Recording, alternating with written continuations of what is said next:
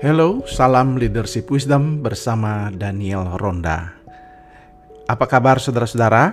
Saya sungguh berharap saudara-saudara terus bertumbuh dan berbuah di dalam kepemimpinan, baik saudara yang terjun dalam bidang panggilan pengembalaan maupun mereka yang menjadi pemimpin dalam organisasi atau mereka yang memimpin bekerja di pemerintahan yang tertarik dengan uh, podcast ini. Uh, jika pada waktu lalu saya me, di podcast yang lalu saya membahas tentang khotbah, pentingnya khotbah bagi pemimpin, maka saya uh, mengakhiri dulu seri itu karena sudah ada 15 seri yang saya uh, sampaikan dan nanti eh, isu-isu uh, tentang khotbah akan saya lanjutkan di beberapa waktu kemudian. Namun kali ini saya akan membahas khusus tentang kembali ke topik kepemimpinan yaitu tentang integritas. Jadi sekarang kita uh, mau membahas tentang integritas dan ada tiga seri yang saya akan bahas tentang integritas. Dan ini adalah seri yang pertama dari integritas, yaitu hidup sebagai keseluruhan yang utuh. Ya, jadi ketika kita bicara integritas, kita bicara tentang bagaimana keseluruhan hidup pemimpin itu utuh. Nah, pertanyaannya tentunya adalah mengapa penting itu integritas? Nah, ini yang sering ditanya oleh Eh, orang-orang uh, mungkin mengapa penting integritas. Karena kita tidak bisa lagi membedakan uh, antara kemampuan manajemen dengan karakter dan kejujuran dan integritas itu sesuatu yang tak terpisahkan di dalam kepemimpinan. Seorang ahli kepemimpinan bernama Warren Bennis pernah berkata bahwa uh, karakter itu atau integritas itu memiliki sesuatu yang sangat penting di dalam kepemimpinan seseorang. Karena banyak sekali pemimpin yang jatuh atau tergelincir bukan karena kegagalan-kegagalan teknisnya, tetapi dia gagal karena dia tidak berintegritas dan karakternya kurang baik. Itu bukan suatu pendapat ahli kepemimpinan secara serampangan, tetapi itu merupakan temuan dari hasil penelitian, wawancara, dan observasi. Jadi, uh, kepemimpinan dengan integritas itu sesuatu yang tidak bisa kita uh, pisahkan. Kemudian, uh, kalau kita melihat bahwa di dalam gereja bahwa orang yang memiliki integritas adalah orang-orang yang memiliki pengaruh di dalam uh, pelayanannya. Sehingga uh, integritas dia uh, yang nampak lewat kedewasaan rohani uh, lewat hubungannya dengan sesama bagaimana dia mengerjakan sesuatu dengan rajin dan jujur sikapnya yang baik, dan itu menghasilkan suatu uh, kepemimpinan yang berpengaruh. Jadi, integritas sangat uh, penting sekali di dalam kepemimpinan. Memang ada yang berkata, uh, apakah kita bisa uh, punya integritas di dalam kepemimpinan uh, saat ini? Karena begitu banyak godaan, begitu banyak tantangan, begitu banyak hal yang kompromi yang dibuat oleh dunia, apakah kita bisa tetap mempertahankan integritas dalam kepemimpinan?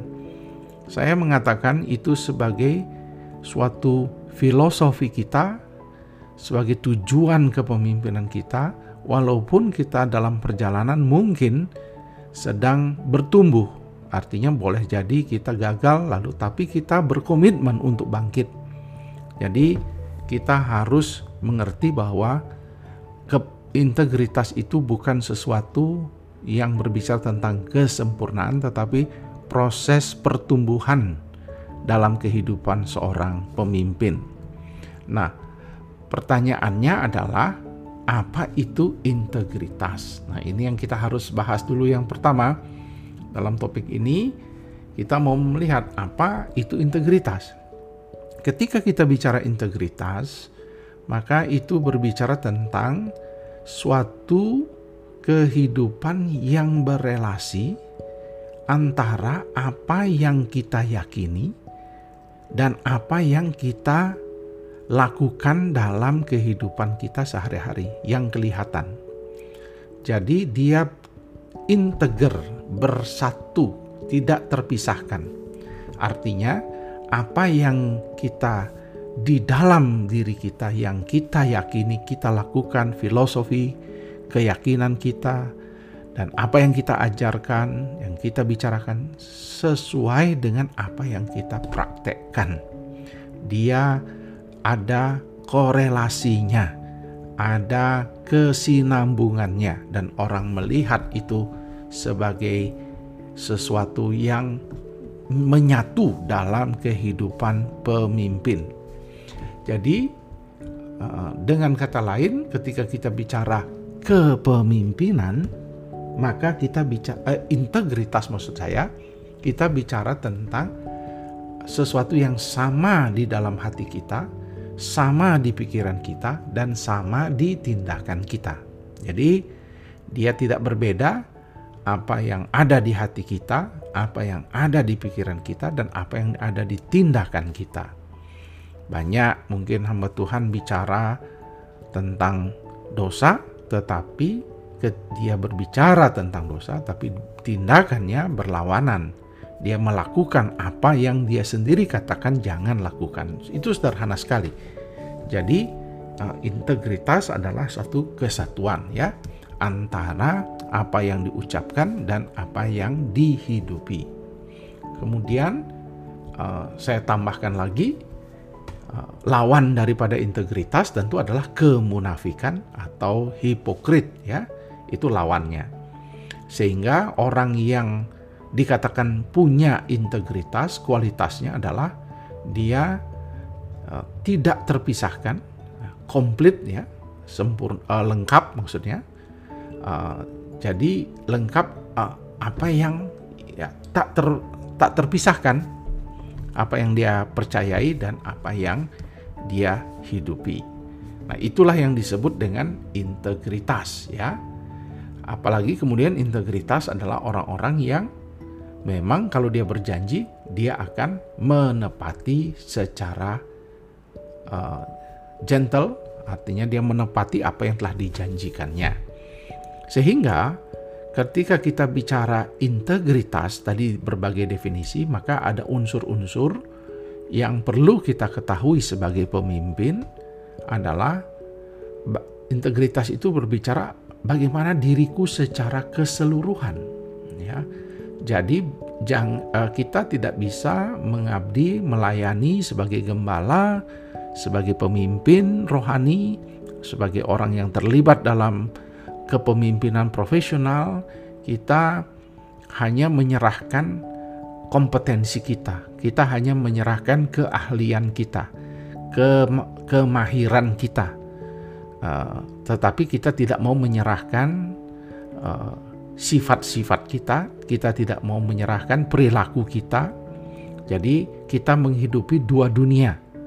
Hanya kita berkata, uh, "Ya, saya sudah mengerjakan tugas." Sehingga apa yang dia bicarakan, dia hidupi itu berbeda. Ketika kita menjadi pemimpin rohani, maka dia bersifat holistik, menyeluruh, ya. Jadi itu unsurnya yang penting. Jadi apa yang saya percayai dan apa yang saya lakukan semuanya konsisten dengan apa yang ada merupakan panggilan dari Allah, sifat-sifat Allah sendiri dan dia datang dari Allah dan diberikan kemampuan oleh Roh Kudus untuk menghidupinya. Jadi itu itulah uh, bagian yang penting dari integritas.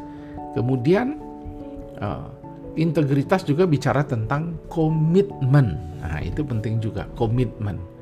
Jadi ketika saya uh, mengatakan sesuatu di dalam kepemimpinan saya, maka saya juga bukan hanya meminta bawahan saya atau orang-orang yang saya layani melakukannya atau orang yang saya khotbahkan melakukannya, tetapi saya pun berkomitmen melakukannya. Ada yang berkhotbah tentang pentingnya memberi persepuluhan, tetapi dia sendiri tidak mempraktekkannya. Itu hanya contoh bagaimana gembala disorot oleh jemaat karena dia sendiri tidak menjadi contoh, karena dia tidak berkomitmen atas apa yang dia sendiri ajarkan. Nah, itu yang penting di dalam kita bicara tentang integritas, ya.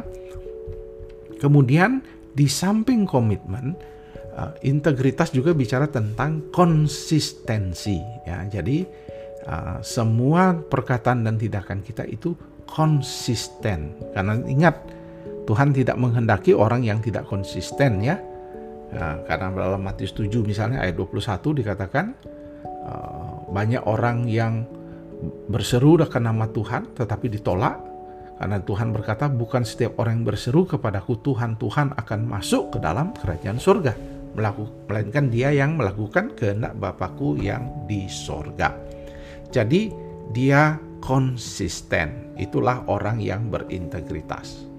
Nah tentu kita sedang menghadapi tantangan-tantangan berintegritas kita. Tetapi kita ingat bahwa Yesuslah model integritas kita.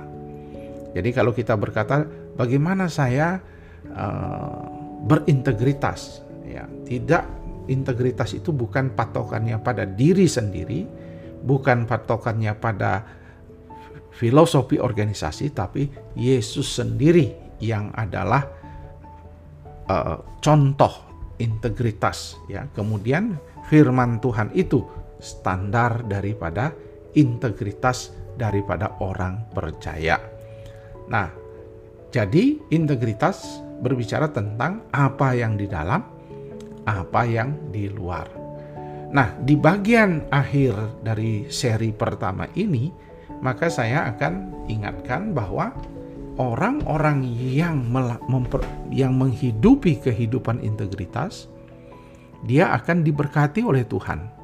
Karena apa? Berkat apa yang diterimanya? Integritas akan menguatkan kepemimpinannya. Jadi diteguhkanlah kepemimpinan. Saya seorang yang lama memimpin bukan hanya mengajar kepemimpinan.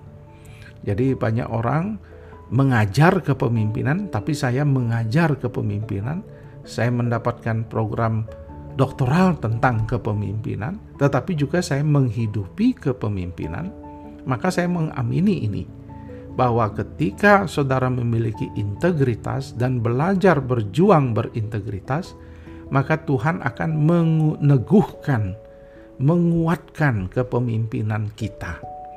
Jadi itu berkatnya. Jadi dia semakin diteguhkan, dikuatkan dalam arti saudara akan diberkati, didengar, dihormati ya, bukan untuk kita cari hormat berintegritas tetapi Tuhan yang memberkati itu. Itu berkat Tuhan ya.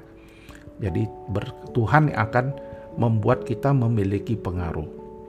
Kemudian Tuhan juga akan memberkati orang yang berintegritas karena integritas itu akan menjadi penuntun kehidupan kita yang membuat kita tidak akan jatuh ke dalam dosa karena ada suatu komitmen ingatan yang ada di dalam hati kita. Walaupun kita tergoda dia akan menjadi penuntun hidup kita ya.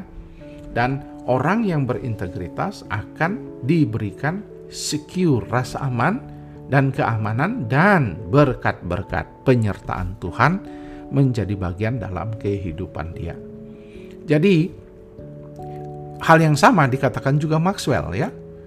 Dikatakan John Maxwell seorang ahli kepemimpinan berkata, integrity builds trust. Jadi orang yang berintegritas akan membangun kepercayaan. Ingat, kalau kita jadi pemimpin, itu kepercayaan itu sangat mahal harganya ya. Dan juga ingat kepemimpinan itu memiliki pengaruh yang tinggi, high influence value kata John Maxwell. Jadi nilai pengaruhnya itu sangat tinggi.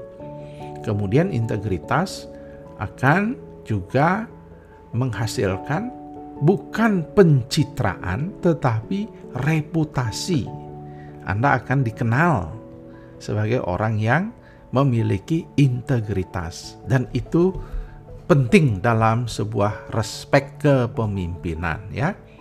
Jadi orang yang memiliki uh, uh, integritas akan membuat kepemimpinannya menjadi kredibel, bukan hanya clever ya, bukan hanya pintar, tetapi dia memiliki kredibilitas, artinya dapat dipercayai dan perkataannya dapat dipegang dan akhirnya dia akan mencapai kemenangan-kemenangan di dalam kepemimpinannya.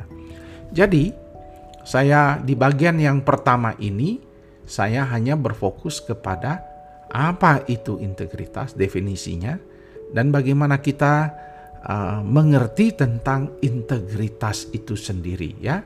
Jadi kita harus sejajar antara apa yang kita katakan dan hidupi. Ini ini sangat penting dalam kepemimpinan. Anda tidak dapat memimpin kalau Anda tidak memperhatikan bagian penting ini. Anda tidak akan menjadi pemimpin yang hebat kalau Anda tidak pay attention atau sungguh mem memfokuskan, memperhatikan tentang pentingnya mengembangkan kehidupan yang berintegritas. Kita tidak bisa sempurna, tapi jangan menyerah. Dan menyerah dalam kehidupan dan berkata saya manusia. Eh, kita hanya manusia yang punya kelemahan. Memang kita semua manusia Tuhan tidak pernah meminta kesempurnaan tetapi Tuhan mau kita meneladani dia dan meminta pertolongan roh kudus agar kata dan perbuatan kita selaras dan menghasilkan pengaruh yang luar biasa dalam kepemimpinan kita. Tuhan memberkati kita. Tunggu episode berikutnya tentang integritas. Salam